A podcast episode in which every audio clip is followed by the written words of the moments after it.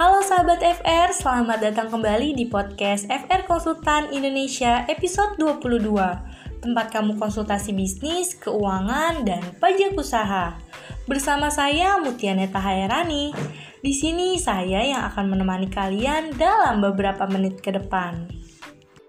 Di episode kali ini saya akan membahas hal yang sangat menarik mengenai 5 tanda kegagalan finansial bisnis kamu bagian 2.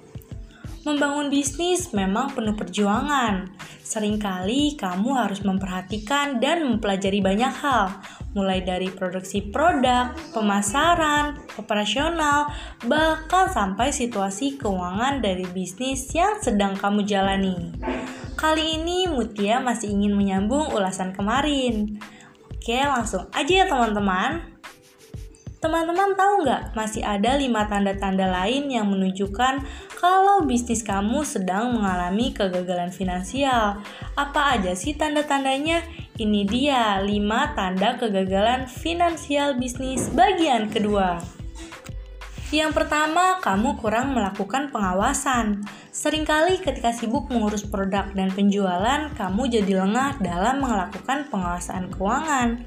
Padahal pengawasan pada arus kas keuangan adalah hal yang sangat penting, karena kalau tidak dilakukan dengan baik, ini dapat menjadi sumber malapetaka bagi bisnis yang kamu jalankan. Cara yang sederhana dalam melaksanakan pengawasan keuangan bisnis kamu adalah dengan melakukan pengoreksian keuangan rutin dalam setiap bulannya. Meminta bukti-bukti setiap pembayaran agar tidak ada dipalsukan dan mulai melakukan transaksi secara non-tunai karena lebih mudah dalam melakukan pengecekan. Dengan begitu, resiko kesalahan ataupun aksi kecurangan keuangan akan semakin kecil. Yang kedua, margin keuntungan terlalu tipis. Apa sih margin? Margin adalah persentasi keuntungan atau selisih harga jual dari harga produksi. Salah satu alasan keuangan nipis yaitu karena kamu menetapkan margin keuntungan yang tipis. Hal ini juga bisa disebabkan oleh beberapa hal, seperti harga bahan baku meningkat atau adanya pesaing baru yang bermain di harga rendah, sehingga mau gak mau kamu harus menyesuaikan dengan harga pesaing. Untuk mengatasi hal ini, kamu perlu banget melakukan inovasi produk dan memberikan nilai lebih kepada produk kamu, supaya akhirnya produk kamu bisa dijual dengan harga yang lebih mahal agar margin keuntungannya dapat meningkat. Yang ketiga, penjualan mengalami penurunan. Ada beberapa penyebab penjualan mengalami penurunan. Kamu perlu menyelidiki kira-kira apa sih yang terjadi, apakah ada kompetitor yang lebih baik, apakah ada kekurangan produk, atau pelayanan kurang ramah, dan sejenisnya. Dengan menyelidiki secara menyeluruh, kamu bisa mendapatkan jawaban yang lebih akurat. Kamu juga bisa melakukan wawancara dengan konsumen langsung mengenai daya beli terhadap produk yang kamu miliki. Yang keempat, tingkat pertumbuhan menurun. Idealnya bisnis kamu setiap tahun selalu tumbuh menjadi lebih besar, apalagi dengan ditambah penjualan setiap bulannya mengalami peningkatan. Paling tidak setiap tahunnya market share produk kamu dapat selalu meningkat, jangan sampai malah turun. Yang kelima, tingkat perpindahan pekerja tinggi. Tanda yang terakhir yang perlu kamu perhatikan adalah tingkat perpindahan karyawan yang tinggi.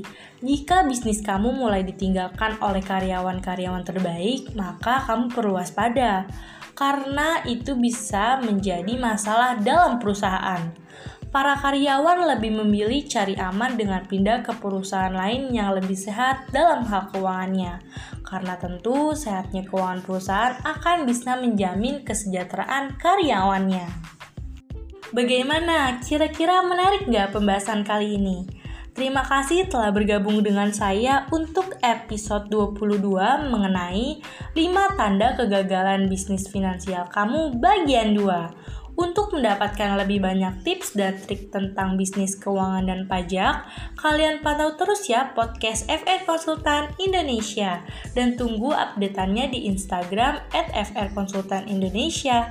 Kalian juga bisa konsultasi gratis loh selama 20 menit pertama dengan menghubungi nomor 0813 8228 9991 atau mengunjungi website kami di frkonsultanindonesia.com.